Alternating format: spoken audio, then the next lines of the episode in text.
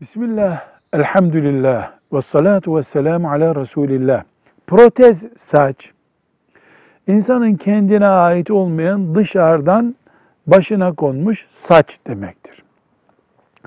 Önce şunu bilelim.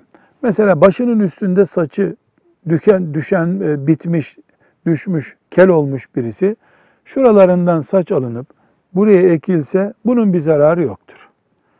Yani bu bir tedavi yöntemidir. Ancak başkasının saçını alıp insanın saçına ilave etmek fukahanın hadis-i şeriflerden dolayı caiz görmediği bir uygulamadır.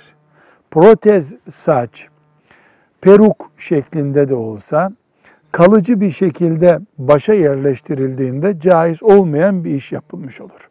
Velhamdülillahi Rabbil Alemin.